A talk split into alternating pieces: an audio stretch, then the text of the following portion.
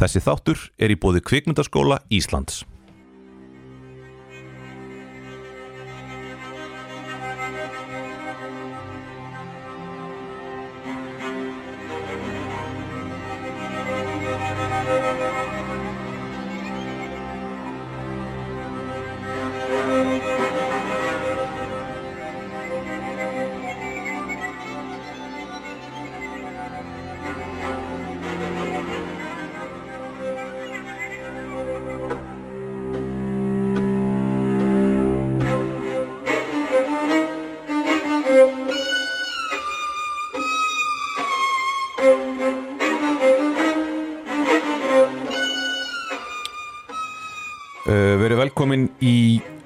Stjörnu Bíó, ég heiti Heiðar Sumarleðarsson með mér er Bryndís Ósk Ingvarsdóttir sem að rétt áðan afhjúpaði vannþekkingu sína og held að saði mér það, hún held að AstraZeneca bóluefnið sem að fór í þarna pulsupartíið hérna á fimmtudaginn að þe- því hafi verið sprautað í tippi.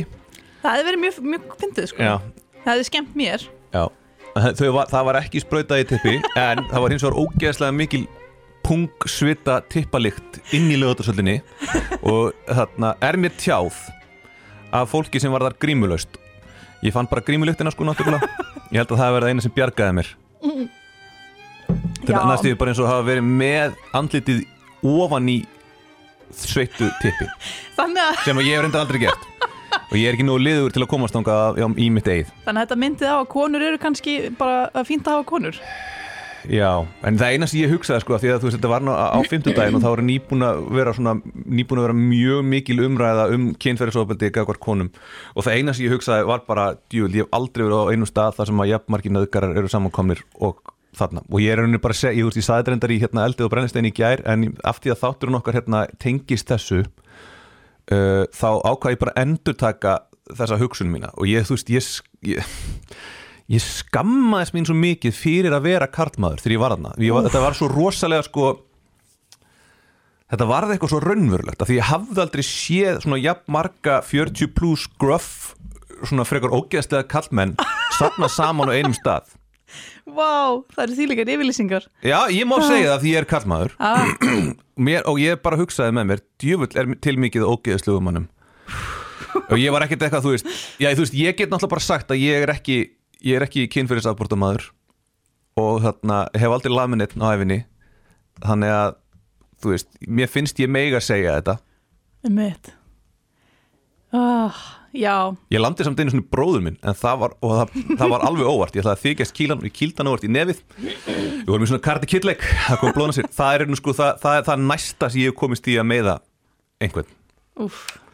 Shit, uh, en við ætlum að fjalla um kveikmyndar Promising Young, Young Woman sem að eh, einmitt sko málega það, hún átti náttúrulega upprunnulega að koma út fyrr en bíóhúsin lokuður á ákveðin tímubili vegna COVID og uh, þar alveg er hún að koma út bara núna koma út síðast liðan förstu dag og hún kemur bara beint inn í hún talar svo inn í það ástand sem er í gangi núna tengt þessari nýju MeToo bylgju. Úff, já, já, já Þetta er alveg Þetta er, já, sjá, ótrúlega sásökufullt að horfa á þessa mynd núna sko. Mm En þú varst búin að sjá hann áður en að þessi nýja bylgja fór í gang ég var spennt, ég var spennt í kringum Óskarinn sko. Mhm. Þannig að þá kefti ég mér hana og, og bara var að kíkja á hana. Og, og ég get bara sagt að ég, það er rosalega langt síðan ég hef orðið fyrir svona miklum áhrifum af mynd. Mm þú veist ég, ég gati ekkert bara eitthvað svona já já staðið upp og bara fara að gera eitthvað annað sko.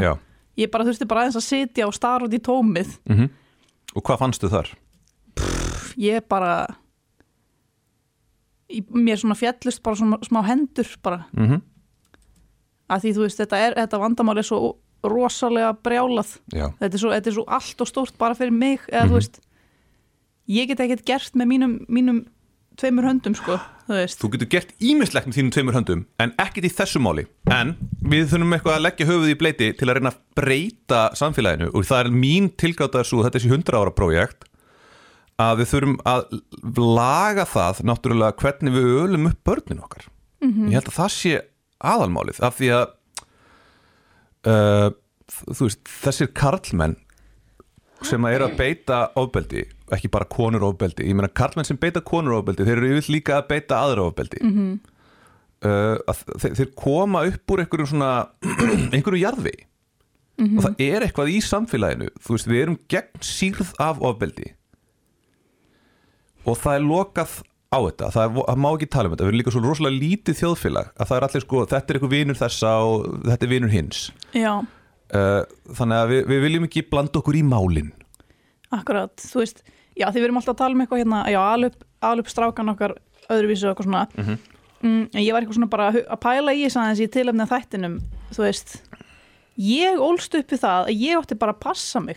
Já, á Bara- strákum. Ég átti bara að passa mig á strákum Það er svo sjúkt. Þú veist Og hérna Og ef ég fyrir út að labba eitthvað svona sint á kvöldin Mhm. bara í heilsubóta göngu Já, Það er bara, já, hérna, og farðu, farðu varlega. Já, Maður er eitthvað Já, þetta er bara setning sem er eðlileg. Já. Já, bara flott. En líka, núna er orðið þannig að þú ert þarna aldraður karlmaður, þá ertu líka að passa þig. Bara Manst ekki, hérna, ég, náttúrulega- ég býnir í lögadal og það var þarna frétt í vikunum það að það er þrýr menn ráðust á aldraðan mann Úf, og barið hann til óbóta þar sem hann var í göngutúrni í laugadal eitthvað kvöldi, Hva, hvaða rugl er í gangi? Shit, sko. Þetta er náttúrulega, þetta er Þetta er svona skítur í pausnum öðru hverju hjá okkur en þetta er náttúrulega búið að vera svona endalust í, í starri borgum og svona, Já, þú veist, þá er, þá er hættan í alvörunni. Þú veist, já, þetta er eiginlega bara svona, hérna er þetta meira svona kurt, þessi bara, já, farið varlega, þú veist. Eitthvað svona, þetta ekki skurði í myrkrinu eða eitthvað, já, já, já. en svona veist, ég myndi ekkert fara í heilsubóta göngu annar staðar en í, Reykjavík, held ég. Uh, hvað mennur þau? ég, ég myndi ekkert fara í heilsubóta göngu í London Nei, þú veist. Ég myndi bara sleppa því. Ég bara, vinkonum mín þegar hún bjó í París Mhm. að hún bara gati ekki farið í heimsók til vina nema að vera fyllt síðan á lestastöðuna já, eftir það. Innmitt og bara já, æ, við erum ekkert of lengi úti út af því að allt vonda fólkið sem er þarna. Já. þú veist, hva, hvað í fjandanum? Við nefnilega, sko, var ég búin að segja við erum að fjalla um Promising Young, young Woman? Já, já, já, Já, ég var búin að segja það. Ég byrjaði, byrjaði á svo svakalegri inngöngu. Já.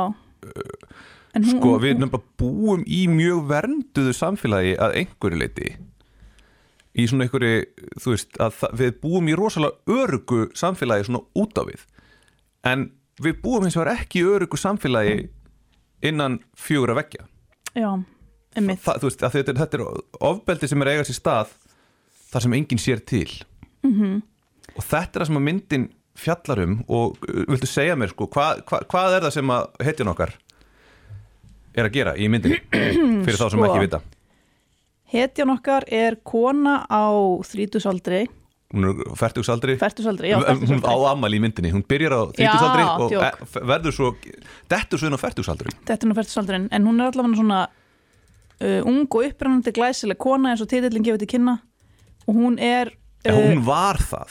já, og er og er bara að, er að skera upp herur mm gegn þessu þessu eitraða karla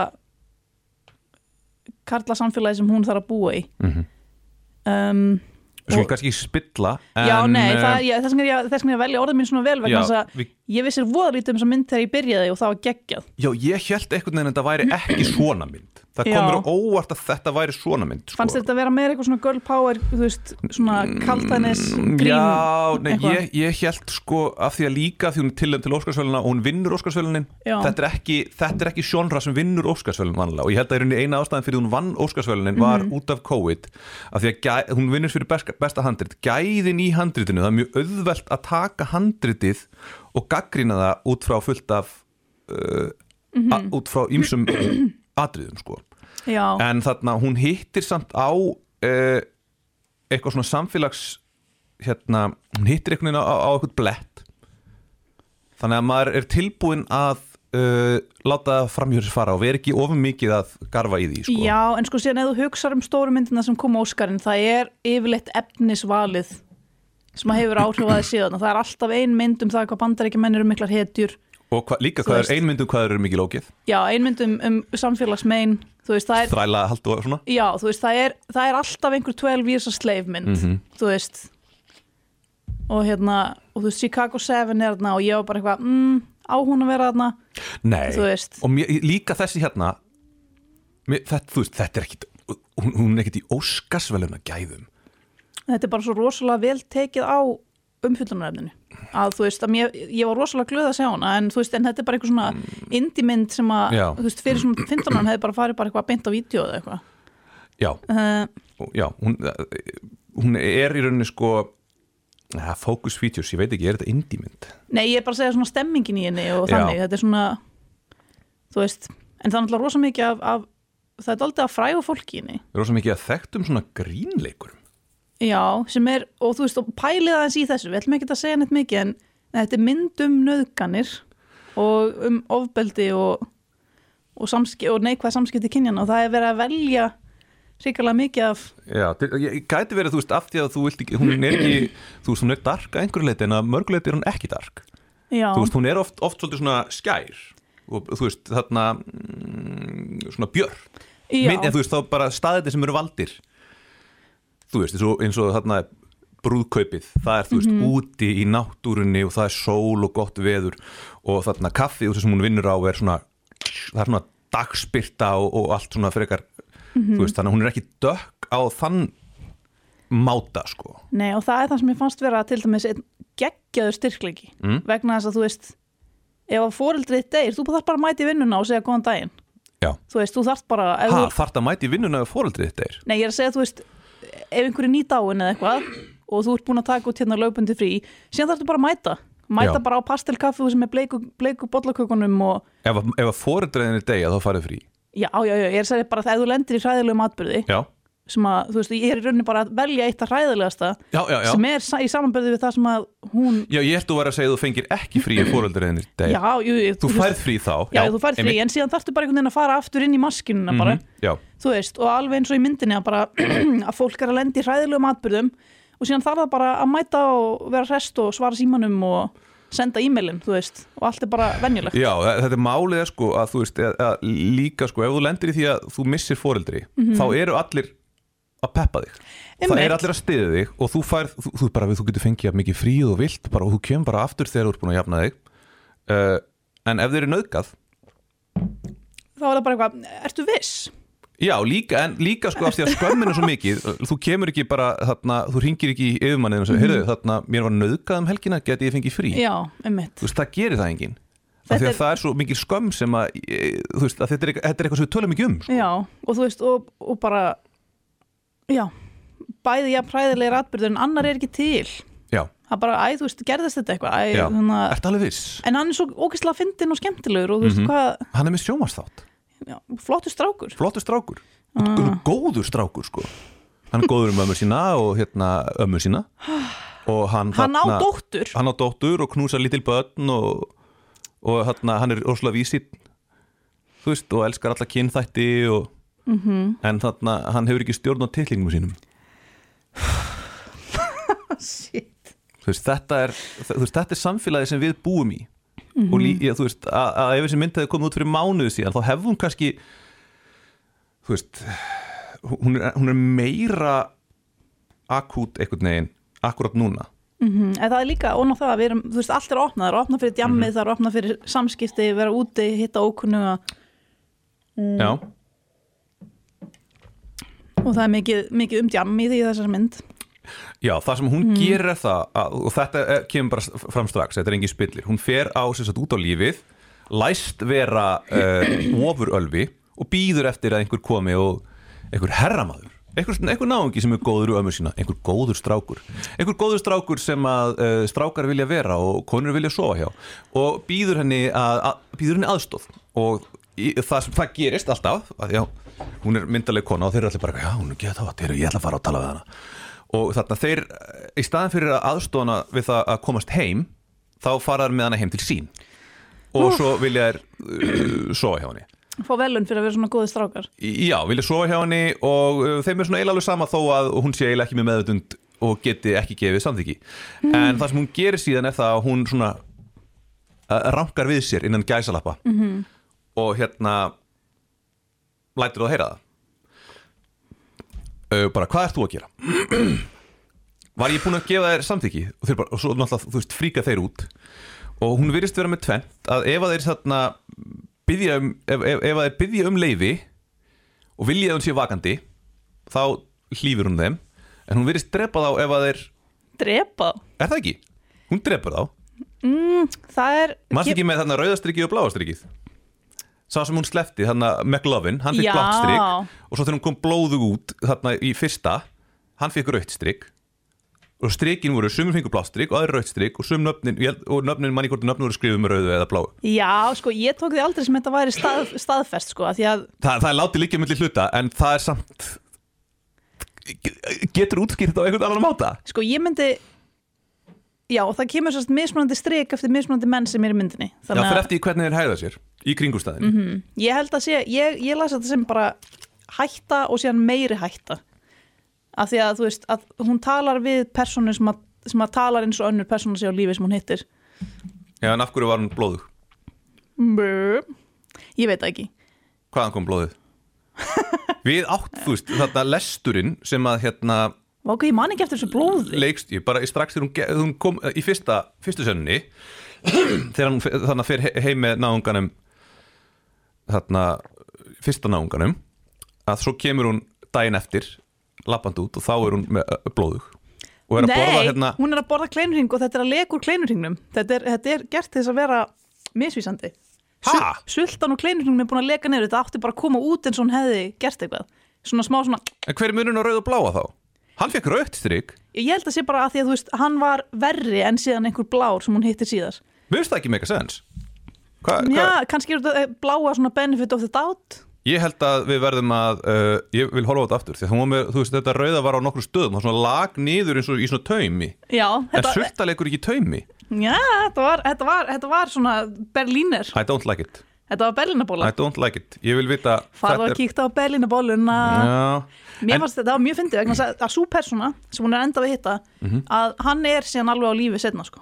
Að því hún tala við sammeginlan minn Ég tók sérstaklega eftir því sko já. En er það, er það, var það ekki McLovin? Nei það var Brody Hver áttu bróti? uh, OC, hjartaknúsarinn Hver, hver var það? bara fyrsti fyrsti Já, þannig að hann, hann enda Æ, ok, ég las Þa, það, En þú veist, það, þessi myndi er svolítið að fokka í manni, sko Hún er að fokk í manni þó að við sjáum þetta núna svolítið Já, uh, það er enda eitt áhugavert að þarna leikstjórn og höfundurinn er Emerald Fennell Nota Bene, hún lék Camillu Parker Bowles í The Crown. einmitt. Grill. Hún er leikun, hún er, hún er bara fætt 85 sko. Ég ekkert held að þetta væri ég held að hún væri miklu eldri. Ég, ég, þegar, ég, held, ég held líka upprunlega þegar ég lesi 65 Ups, uh, writer, hvers konar nafn er þetta eiginlega? hvað? Emerald Er Sma, hvað, emerald er það ekki smaraður eða eitthvað? Jú, þú veist, þetta er hérna og fennel er planta, græmiti en Fennel er náttúrulega, er bara held ég bara svona dæmigert eftirnafn Fennel já, ég er kannski bara kvarta því og svo er með munundanafn Já, en þú veist, ég, þetta er sko fyrsta kveikmyndin sem hún skrifar í fötur lengt hún hefur verið svona, uh, þú veist, svona staffrætir á einhverjum svona sjónvastáttum uh, ég finn það að þetta er reynslu laus handritsöfundur mm -hmm. af því að uh, ég er að kenna handritskrif og er búin að grúska mjög mikið í þessu og er bara svona svolítið, þetta er bara svolítið það sem ég er að skoða. Uh, og dæmigerð vandamál við svona spec script sem er svona speculative script sem að þú skrifar bara sjálfur og reynir síðan að selja er að uh, það skortir akt 2 akt 2 er rauninni þú veist þarna þar eiga megin átökin að eiga sér stað og það er, það er helsta vandamáli við handrið nýgræðinga að akt 1 er solid akt 3 er solid, akt 2 er bara byð já, það er það sem gerist í þessari mynd. Og hún sérstaklega eftir hérna midpoint þá fer þetta act 2 sag eins og það er kallað. Alveg, þá er það alveg í hérna full effect. Þannig að þess vegna út af þessu get ég ekki uh, þú veist, gefið þessari mynd nógu góða uh, dóma sko. Já, bara út af, þú veist, já, því að veginn, veist, af því að hana skortir þetta Act 2 mission af því að þar eiga megin átökin að vera og þetta er bara eitthvað svona dæmiger, þetta er svona dæmigerð byrjandamistök mm. og það er svona, svolítið skrítið að, það, að þessi mynd sé komin á tjaldið og hún hlýtur á að fara í gegnum alls konar síur, handritið og það klokkar þetta enginn. Og en er engin þú veist, er engin uppreist í kveikmyndum gegn því að vera með eitthvað svona hefðbundið snið sem að er í veist? Já, nei, þetta er ekki eins og, þú veist, þetta er bara vandamál það sem að, þú veist, að hún, hún verður ekki, þú veist, akt 2 er aðalmálið. Þar eru Mm. megin átökin. Og hérna og svo líka tala um, þú veist, eins og setni hlutin á akt 2 er hérna á- þar átt að vera í mest, mjög miklum vandræðum, sko.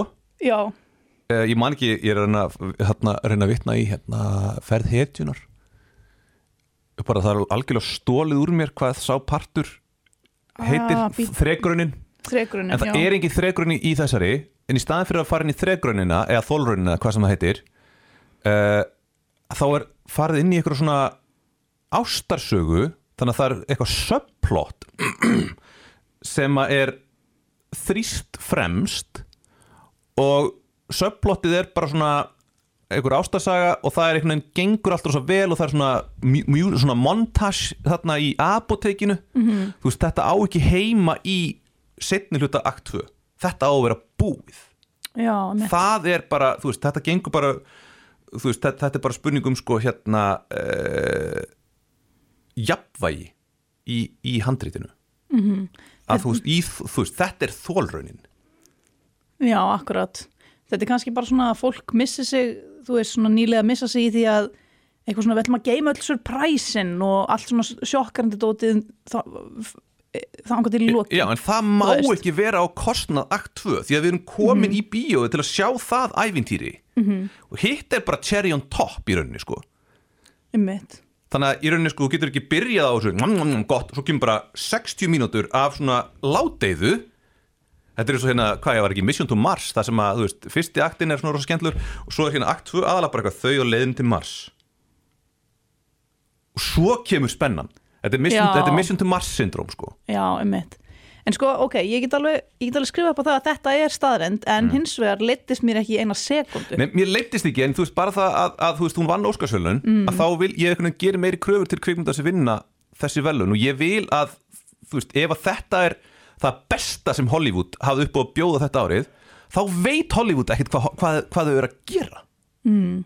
Kalt mat Einmitt. En þú veist hvað, já. En eins og ég segi, Óskarn, hann, er, hann hefur miklu meiri áhuga á umfyllunarefninu, þannig ég held að umfyllunarefni þessa handrits og einhvern veginn hvernig það var sett fram, Já. frekar heldur en hvernig, hversu vel það var skrifað, það hafi skiptuð máli. Mér finnst þetta sé síndarmennska Við ætlum að verðlauna þessa mynd til að sína hvað við í Hollywood erum framalega meirinni þó við séum það ekki.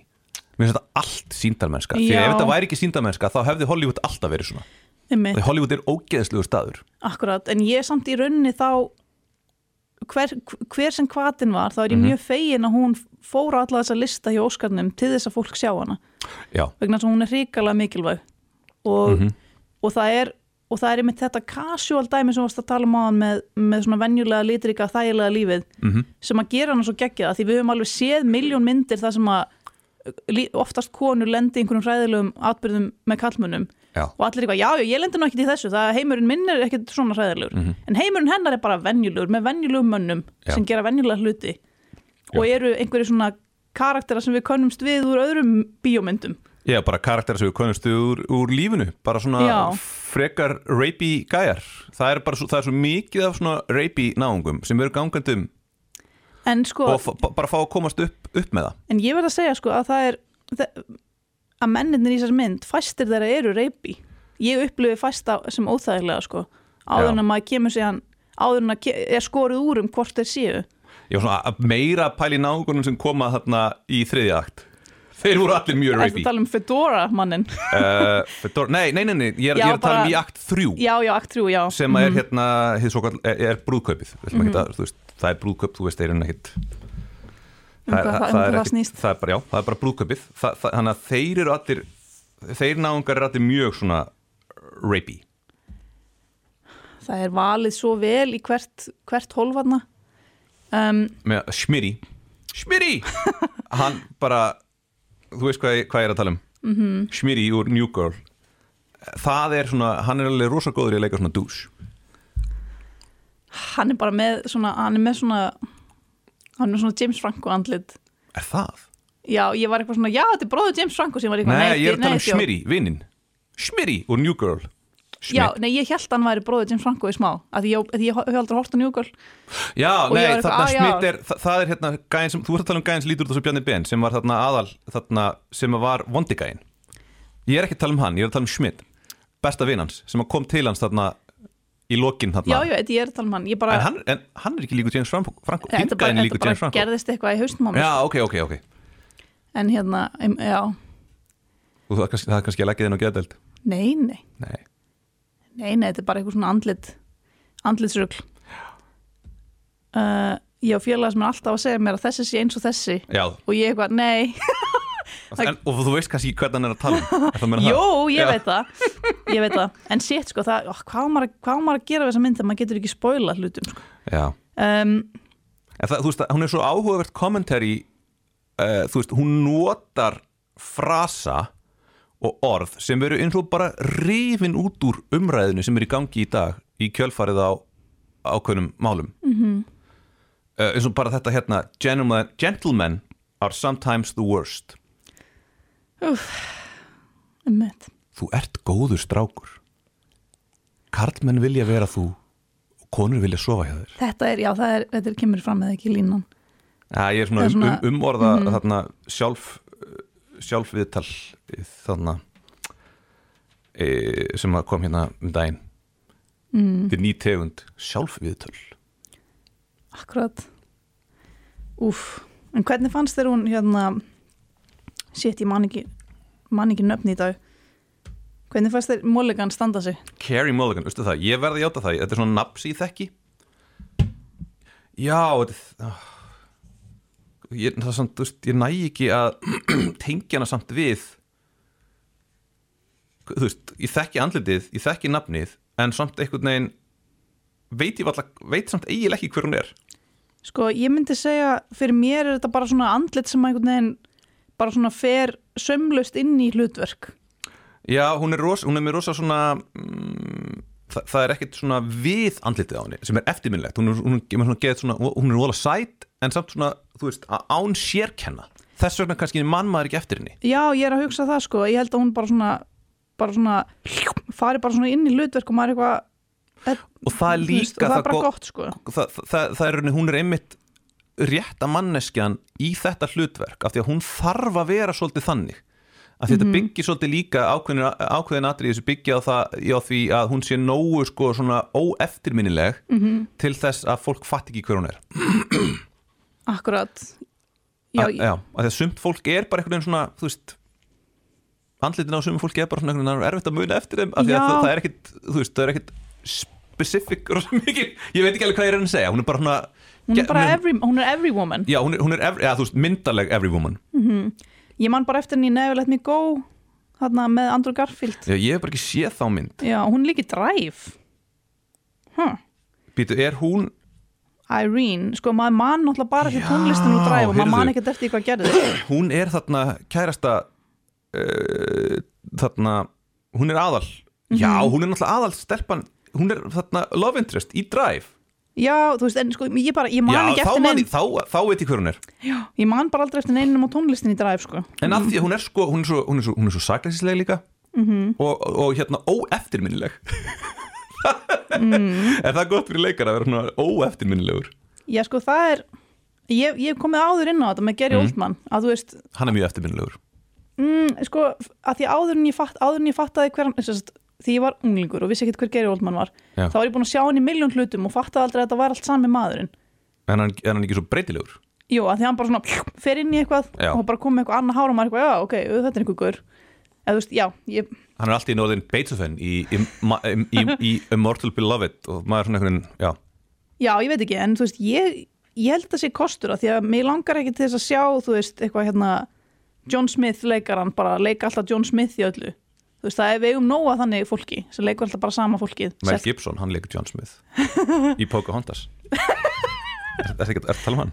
uh, Ja, hét hann ekki, John Smith þarna? Uh, John, Blon- Blondie. John, John Smith, jú jú? John Smith, jú, jú, Mel Gibson var John Smith.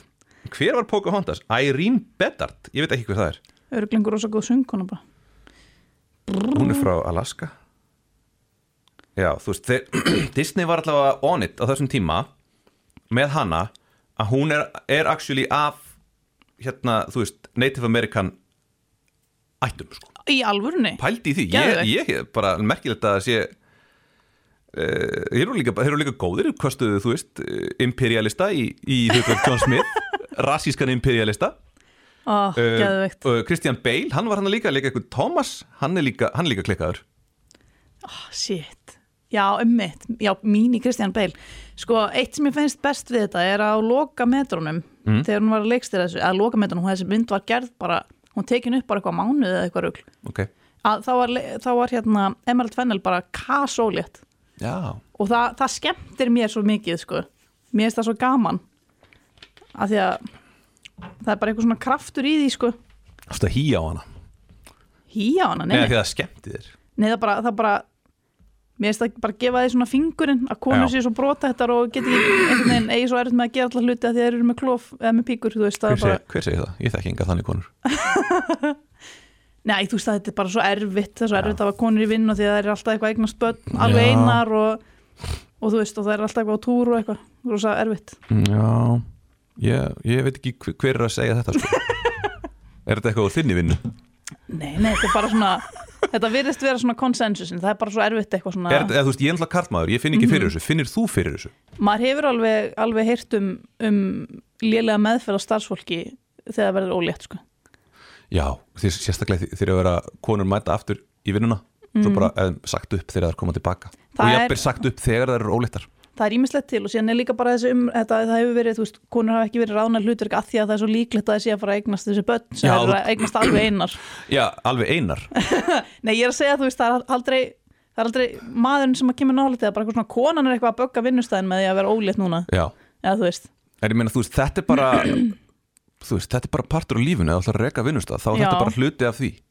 Bara er eins og það, það þarf að kaupa klóstpapirinn á klósettið. Já, ég meina, þú veist, er og, alveg og mjólk fyrir kaffið og það er alveg eigin menn hann úti sem væri bara til að sjá um þetta fyrir, fyrir makan Já, sinn, ég sko. get fegin að hafa ekki þetta að gera sko. Ég segi oft svona, just, ég hef nú eiginlega bara verið alveg til í að ganga með setnabatnið sko, bara, þú veist, en ég er að ljúga því. Ég er, þetta er bara, þú veist, ég maður svona, að djúið slapp ég vel þarna. Oh my god. Þetta er sko, já.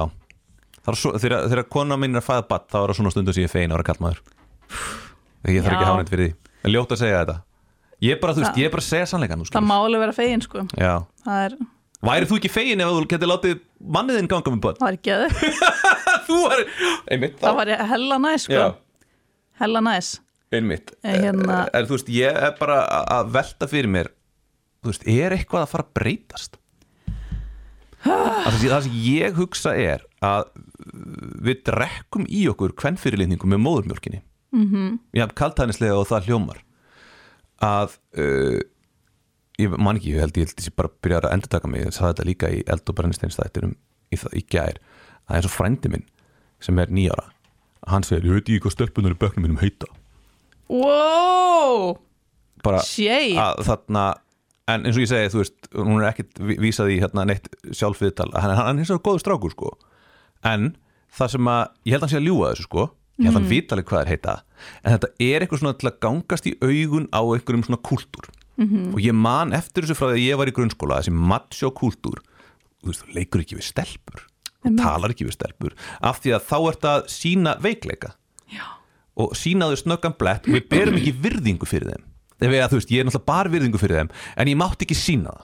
Af því að þá fjalli ég virðingu fáitunum sem voru með mér í bekk. Af því að þú veist, þú veist, hann nóg fáitum í bekknum mínum Já. og hérna uh, og þe þetta er einhvern veginn sko og svo koma þessi strákar út í hérna samfélagið og eru orðin stórir og þurfa að fara að eiga samskipti við konur.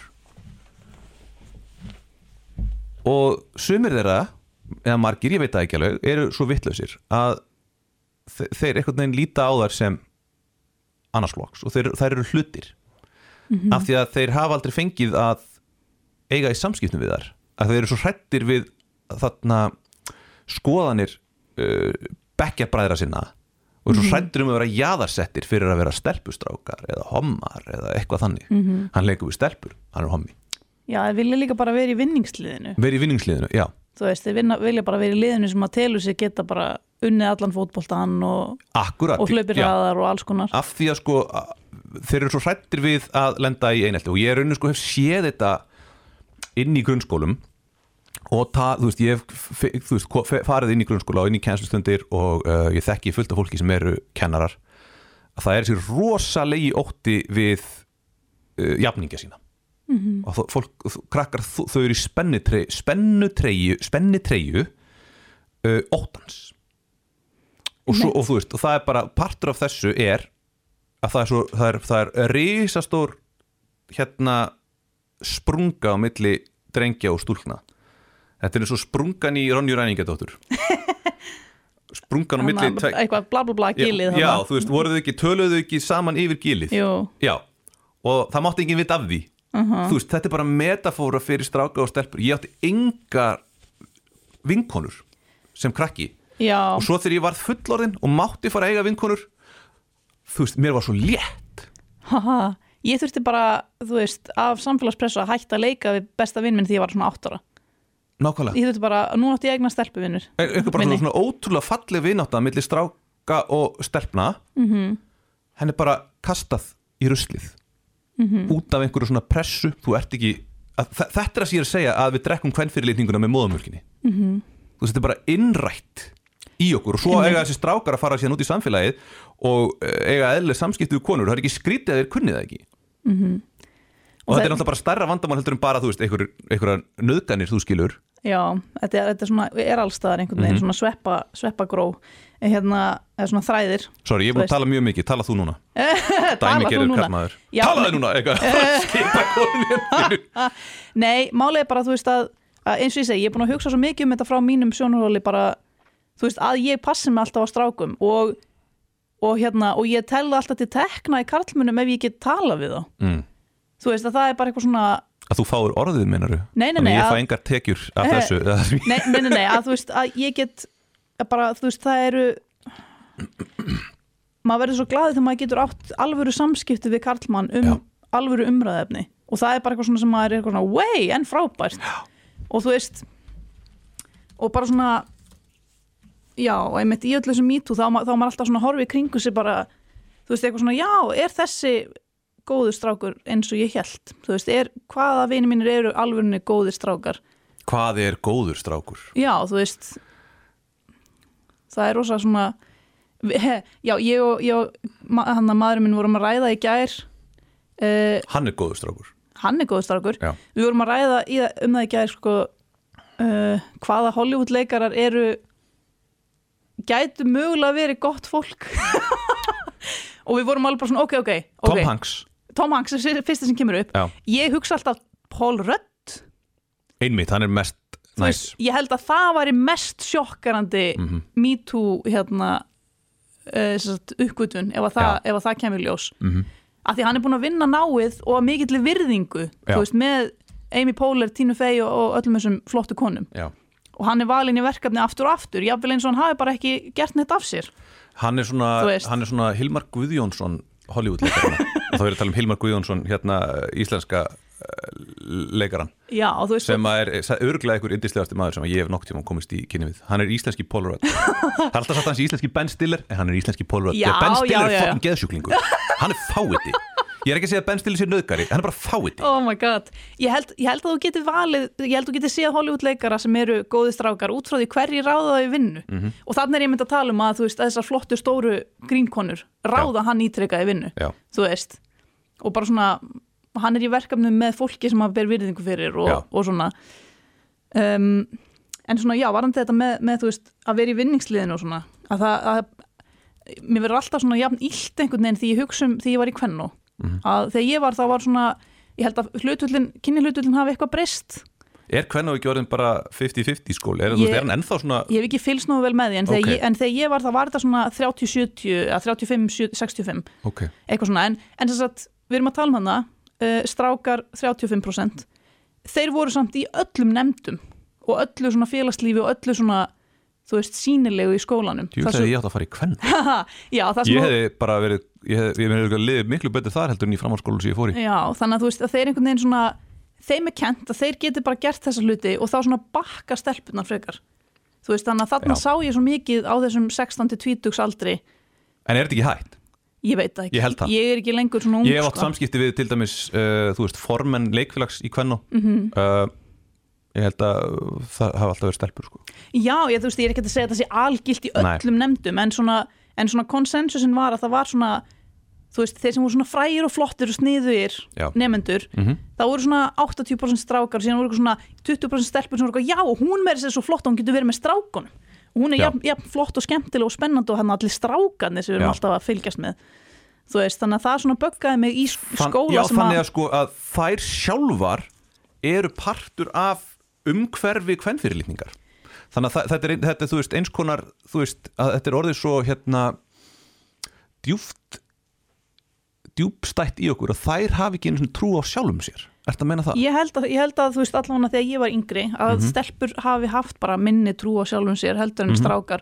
Og þess vegna er það mitt þarna í hjallastefnunni þú veist að stelpur fara í sjálfstyrkingar Já, hluta og meðan strákarnir eru meira látnir hérna læra samvinnu og já sem að er virðingu, þurfa já. að halda sko. því að eins og bara ég man eftir, þú veist, í mínum grunnskóla að þú veist, virðing fyrir öðru fólki Mhm.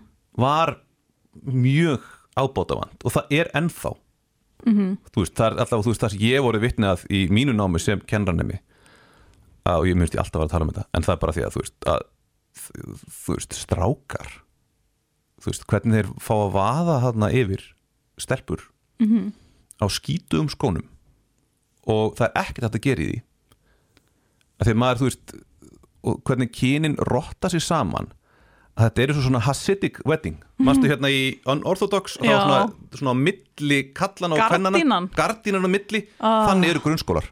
Já, af því að þú veist, þess að ég var búin að fylgjast með og kenna í leiklistatímum sko. Já, setjist í ring, það er bara svona hálfringur stelpur hálfringur strákar, já, þetta er hellað. Ekki setja hjá stelpunum. Ég hort aumingi og hommi. Já, en það tengir samt ekki veist, þetta, veist, en það, það eru líka veist, strákar sem hafa ekki áhuga á þessu að taka þátt í þessu, en neyðast þeim finnst þeir nöyðbeigðir til þess að gera þetta til þess að vera ekki jaðarsettir. Þetta er bara kvennfyrirlitning og uh, svo koma þeir út í lífið og eiga erfitt með eiga samskipti við stelpur en þeir eru ekki að fara með, stelpum heim, til, heim, heim og þú veist, svo sopna þeir og þeir, ákveða bara að sofa hjá þeim samt. Þú skilur. Þa, þú veist, þeir gera það ekki, en svo eru hinir strákarnir sem að eru mestir svona að íta þessum kúltúr inn. Það eru náungarnir sem að bara, já, hún er sopnuð já, ég ætla bara að koma fram vilja minnum samt. Já og þú veist og, og hérna, og ég held að þetta snúi svolítið um svona að þeir sem að ákveða að gera eitthvað svona, að þeir svona líti á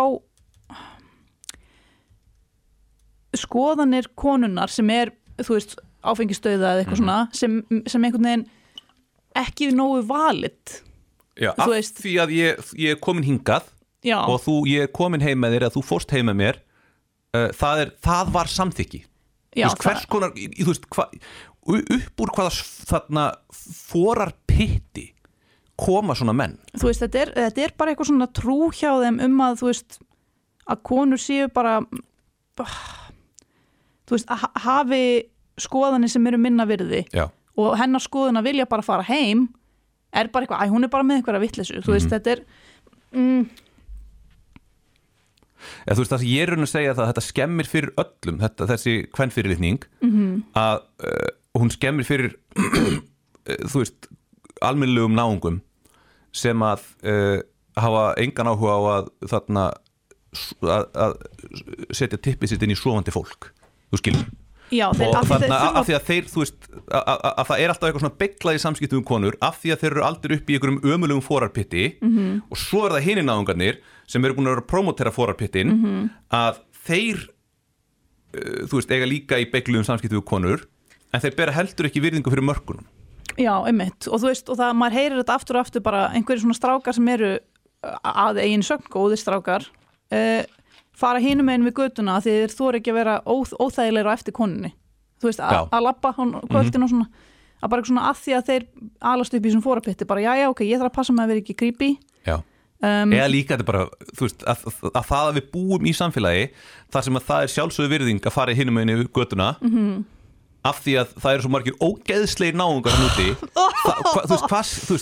þetta er samfélagi sem við búum í þetta er, og mín spurning er veist, hvað ætlum við sem samfélag að gera til þess að takast á þetta? Það er ekki nóg eitthvað, já, ætlum að bæta hérna já, ætlum að bæta kæruferli og eitthvað svona. Þetta á ekki að hafa gerst. Við eigum að setja betri lýsingu í lögadalinn já, en þú veist, við, erum að búa til Shit. samfélag þar sem að það eru færri náungar sem hugsa með sér. Já, það er bara allt í lagi að nöðka Úf, sko, já, það er verkefnið okkar?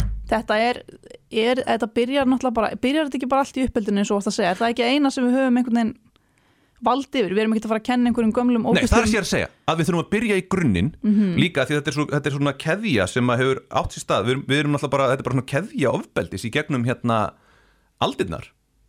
Mhm. og uh, bara ofbeldi og þú veist, þá er ég bara ekki að tala um ofbeldi endilega hvort konum, bara almennt ofbeldi, Mhm. það, er, það þarf það er alltaf bara lægi að leggja hendur á fólk þú veist, að það þarf alltaf einhver að vera meira en næsti Mhm. þú veist, og þú velur þér alltaf einhvern sem er undir þér ofbeldiskultúr þú veist, þér líður svo miklu betur ef einhver er undir og þá er ég að tala um bara venjulegt fólk sem er ekki að beita ofbeldi einmitt, þetta er svona dopamin rush sem fáum úr því að vera æðri öðrum já, þú verður alltaf að vera með einhvern fyrir neðan því að Mhm. ef þú ert neðstur eða neðst, hvað, hvað þá? Já, við, við erum byggjum okkar sjálfsmynd á því hversu margir eru fyrir neðan okkur í Mhm. The Totem Pole. Hvað heitir aftur Totem Pole þarna á íslensku? Uh, Það skiptir ekki. Já. hérna, já, tótem Þarna- stöng Native hérna. American já, Totem Pole. Æ, ég manna ekki. að því þú veist, við förum í skóla því að við, við berum ekki virðingu fyrir okkur nema við séum um nám Mm fyrir sjálfum okkur þú veist, við erum í flottri vinna því við viljum ekki vera í vinnu sem er í láluna flokki þú veist, Já. við erum og, og svo framvegis þú veist, þetta er við höngum ekki með fólki sem að á það erfitt að því að að því að það er einhvern veginn þú veist, akkur eru þau ekki bara að gera jafn vel og ég Hva, ha, E- hvað? eitthvað svona fólk sem að hefur lent í einhverju bara, þú veist, ég bara, ef við tökum bara eitthvað svona Og þú ert að meina að þú viljir ekki láta svona einhvern veginn associata þig við eitthvað fólk sem er á verri stað en ég og einhvern nátt, sem, svona, Mhm. sem er rauninni sko, þetta er að sama á með strákana og mm -hmm. að ég vil ekki láta þau associata mig við stelpur af því að það er búið að ala okkur upp í það að þær séu að, að, að öll þeirra hérna, þeirra mannkostir séu óæðri og þú veist og þarna kemur, já, og síðan í rauninni bara og síðan ef þú ert ekki með neitt af þessu þá ertu samt í strákaliðinu þú veist, ef þú ert algjör þú veist, þú hefur ekki tekið neinar réttar ákvarðanir Mhm. og er, er, er kallmaður og þú ert kannski bara neðst Já, en þá ertu samt kallmaður já, einmitt, einmitt. Þú veist, þú ert samt í því flotta stóra liði. Já, þú veist, þú þarft alltaf að vera í einhverju, einhverju eru treyju. karlmenn eru náttúrulega líka að nýðast á öðrum karlmennum mm. að við megum ekki gleyma því að það er fullt af karlmennum hann úti og strákum sem er verið að nýðast á. Og af hverju verið að nýðast á þeim? Það er því að þeir eru ekki sterkastir eða þú veist, er ekki góður í fótbolta mm. af því að það er verið að setja þá í hérna, flokk hins óæðri og það er verið auðmari það er óæðra. -hmm. Hver, sá sem að, veist, þetta byggist upp á því bara, og líka bara minn grunnskólu sem ég man eftir bara, sá sem gætt lami flesta hann var á topnum og sá sem gætt lami fæsta hann var í botninum og auðvitað geta stelpunar ekki lamið neina á strákunum, þar alveg eru þar e, e, náttúrulega undir öllum hinum, af því að það er það sem gildir hversu marga getur lamið? Og svo komum við út í eitthvað og, og það kemur okkur á óvart að það séu nöðgarar út um allt. Oh, það ætti ekki að gera það en það gerir það samt. Þetta er samfélagið sem við byggjum. Og við þurfum að breyta þessu. Shiturinn og ég held að líka sko að það er eitthvað svona púritanismi varandi við það, hvernig við já, við þarna, já, það sem ég gerði var þegar, ég var að horfa viðtalið við Sölva Tryggva að, þarna í sjónvarpinu heima hjá mér að um, dóttir mín kom inn í stofuna tvisara menn ég var að, ég, ég eitt á pásu hún er sjö ára, ég eitt á pásu í öll skiptin. Mm af því að ég, mér fannst ekki vera við hæfi barna. Af því að þá hugsaði ég, þá þarf ég að fara að útskýra fyrir henni einhverja hluti sem að sá púritanismi sem ég er alin upp í hann, hann segir sko, mátt ekki segja svona hluti við börn Emmett. þannig að við erum að grípa inn í og fara að tala við börn um einhver ákveðin mál þegar þau eru búin að missa þau. Þau eru orðin of gömul. Mm. það er tilgáta sem ég fekk úr þessu og ég er svona eiginlega hálf skammaðist mín fyrir það. Ég held kannski að einhver fara að segja við mig bara, nei þetta mátt ekki. Þannig að það var óttinn minn við samfélagi það að ég væri að útskýra fyrir henni hvað er nöðgun Já, hvenar, þú veist, hvenar, hvenar eigum við að tala við veist, að, já, já, þannig að pointið mitt er að þegar við byrjum að, og það er að segja ef fólk er að tala við börnum um þetta, við erum búin að missa þau þau eru komin inn í kúltúrin, þau eru komin inn í hérna kvennfyrirlitningar kúltúrin þau eru komin inn í ofbeldiskúltúrin kúltúrbarna er ofbeldiskúltúr Emmett. Vá, ég get ekki fyrir mitt litla líf muna hvenar ég lærði hvað nöðgun var. Ég man það ekki og ég, það var aldrei neitt sem átt ég hef aldrei átt, átt ekki sam, samtal við, við uh, foreldri um kynlíf. Vá, ég hef náttúrulega sennilega dáið úr skömm en þú veist, ég er bara eitthvað að hugsa um svona kynfræðslu efni þú veist, ég var í hvað sjöndabekka hvernig sem þetta er. Ég man ekki hvort það hafa verið talað um valdbeitingu einu svona það var ekki ég fekk ekki einu sinni kynfræðslu. Það var einhverju bekki sem fengu það en ég þarna, kennarinn sem við vorum með uh, hún ákvað bara hoppa yfir þann tíma. Hafði bara eitthvað annað. Um mitt því maður heyrði svona af einhverjum öðrum sem voru í öðrum tíma í líffræði bara af þeim tíma það sem var annar kennari. En það er það er eitt sem ég bind vonið við með þessa, með þessa yngstu ungling okkar núna mm að, um, að kynin eru farin að, að svona að splitta svolítið mikið. Veist það eru hvernig þá? Nei, þú veist, það er bara komin fullt af kynjum og alls konar, Já, já, já, þú veist að, hérna, að krakkar eru, skilgrendir og skilgrena sig bara í alls konar. Já. þannig að það kannski tekur hitan af þessum stóru tveimur hérna, fótboltaliðum, strákanir og stelpunar já. þú veist það kannski svona dreifir álæðinu smá. En talandi um fótboltalið að það er nógu mikið af þarna, vanheilum fótboltastrákum þarna úti sem eru tilbúinir að taka þetta fólk niður. Og þetta er svo hérna, æ, hvað heitir hann aftur hérna sem er með uh, þáttir hérna á stöð 2 það er hérna Bassi og þarna Binni Glí og svo Hingæin æði, Já, æði, Já. Hingæin Þetta er svo tenorðin þrýr Bassi og Binni Glí og Hingæin Pavarotti, Jose oh my god. Cansegas og, nei, Placido Domingo. Jose Cansegas var svo sem engin mundi. Hann var alltaf hingæinn, það var bara brandarinn í Sænfeld en ok, hingæinn, að hann var að tala um eitthvað alla fótboltastrákana á Akureyri sem hötuð hann. Já, ymmit Þa, það, þetta eru strákarnir uh, sem að skapa þennan kúltúr. Þetta eru þessir rapey gæjar. Mér finnst bara svona sama sem merki á milli svona fótboltagæja.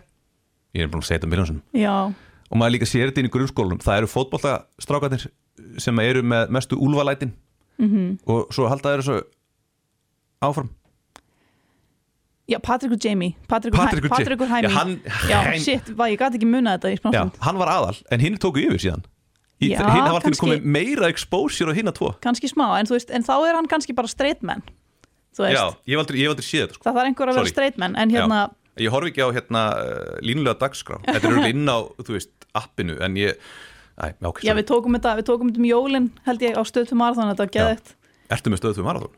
Já, við vorum eitthvað, tókum það út af einhverjum, einhverju dagskrá sem var í bóði, ég man ekki okkur. Mhm. En hérna, en, en sem sagt, ég er að binda von við þessa kynnslóð sem að er að koma út úr skápnum með öll kynin og er bara Mhm. eitthvað, ég er bara svona og fokka þú þér bara. En hvernig getum við Þú tekið valdið af fótbolta fáiðurum? Sko, við getum tekið valdið, til dæmis, mér finnst til dæmis bara, hérna, þreimenningarnir í æði. Þú Já. veist, það að þeir séu bara, hérna, með tvær serjur, Mhm. bara í sjónvarpi, þar sem allir geta séð þetta.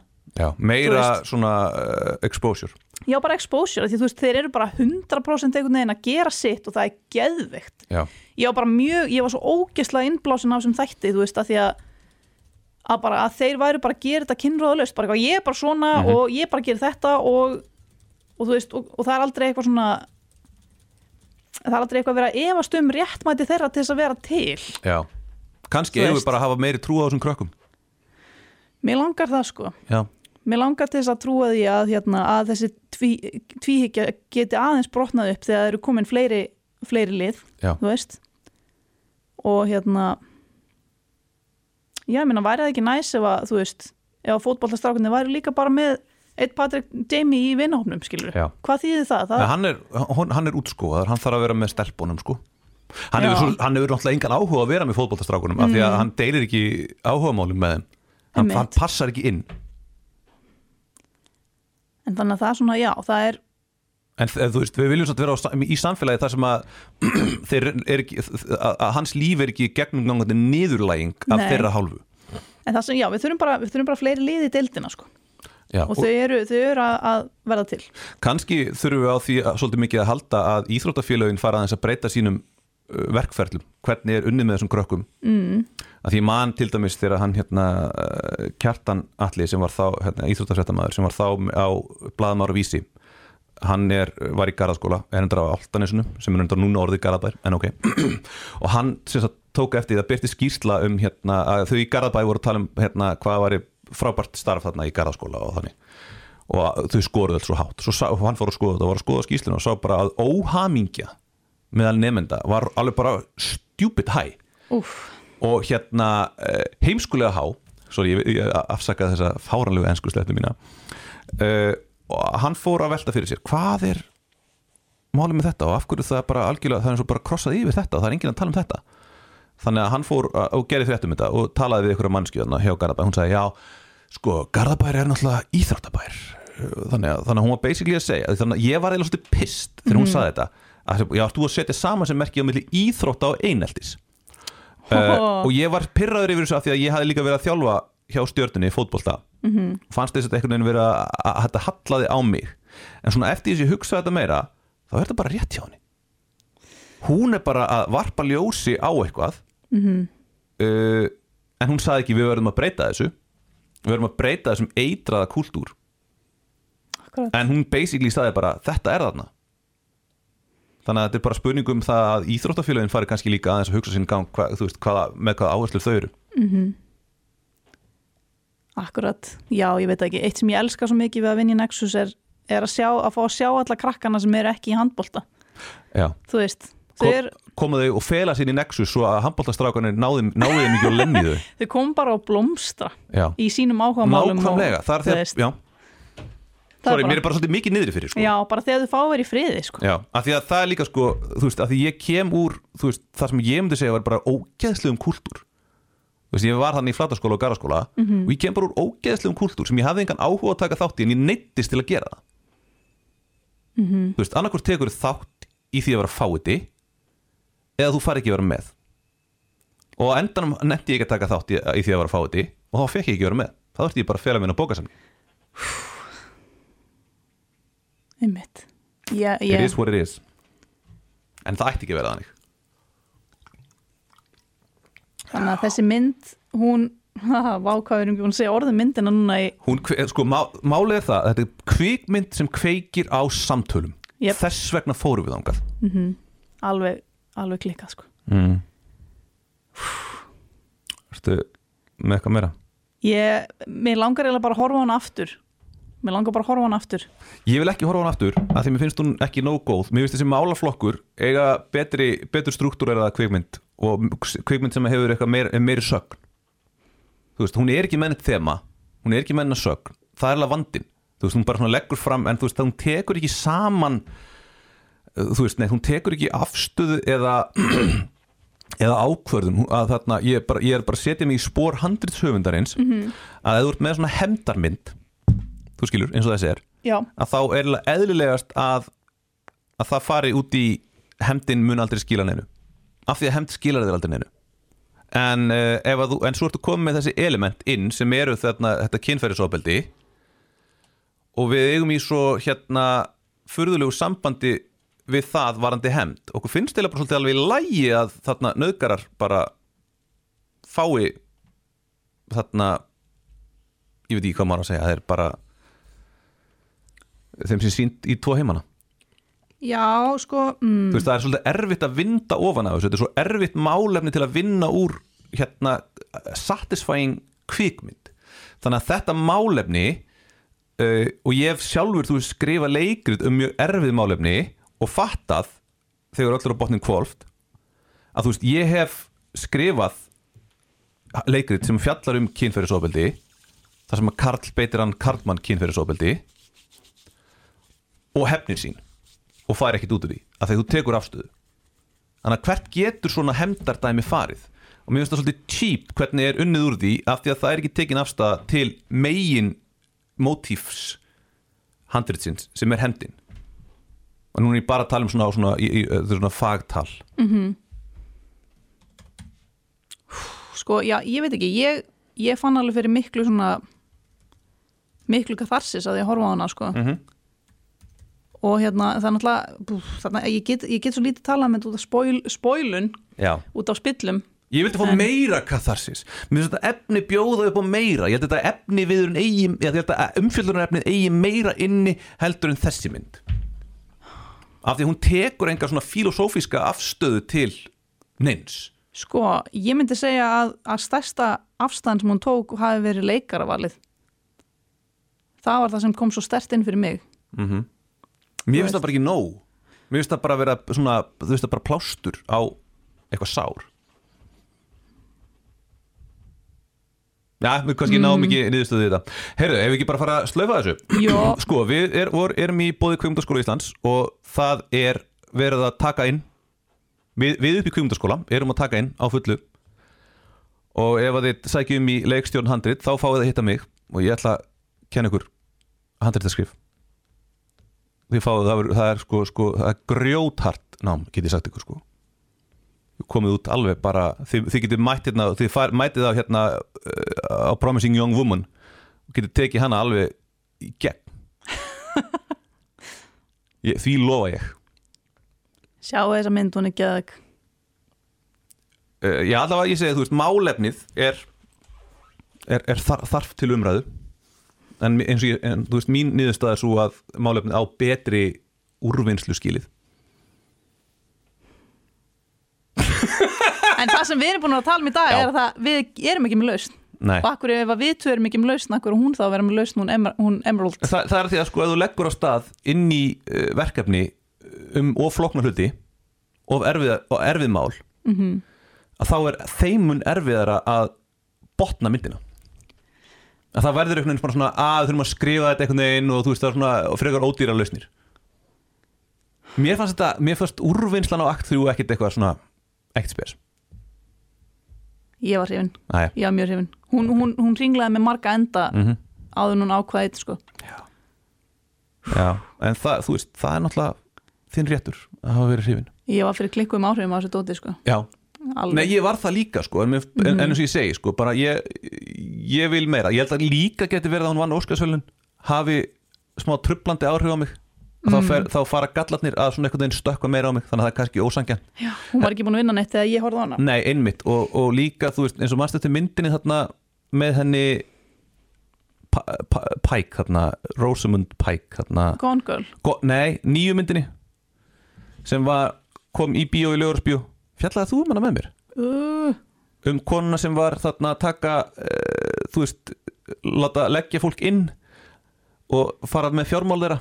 Nei, Rosamund Pike uh, sagt, þarna, ef, ef að svo mynd hefði verið hérna tilnæmt til Óskar, eða unnið Óskarsölunin sem besta handrit. Uh, I Care a Lot heitir hún. Mhm.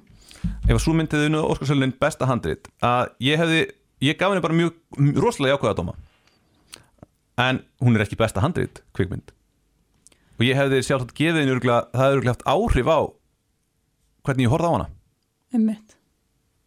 og mér finnst í rauninu sko handritið í henni ekkert verra heldur en handritið af þessari mynd. Hún gerði eiginlega meira fyrir mig ef eitthvað er en hún er ekki tilnæmd Hmm. ja, bara pæling.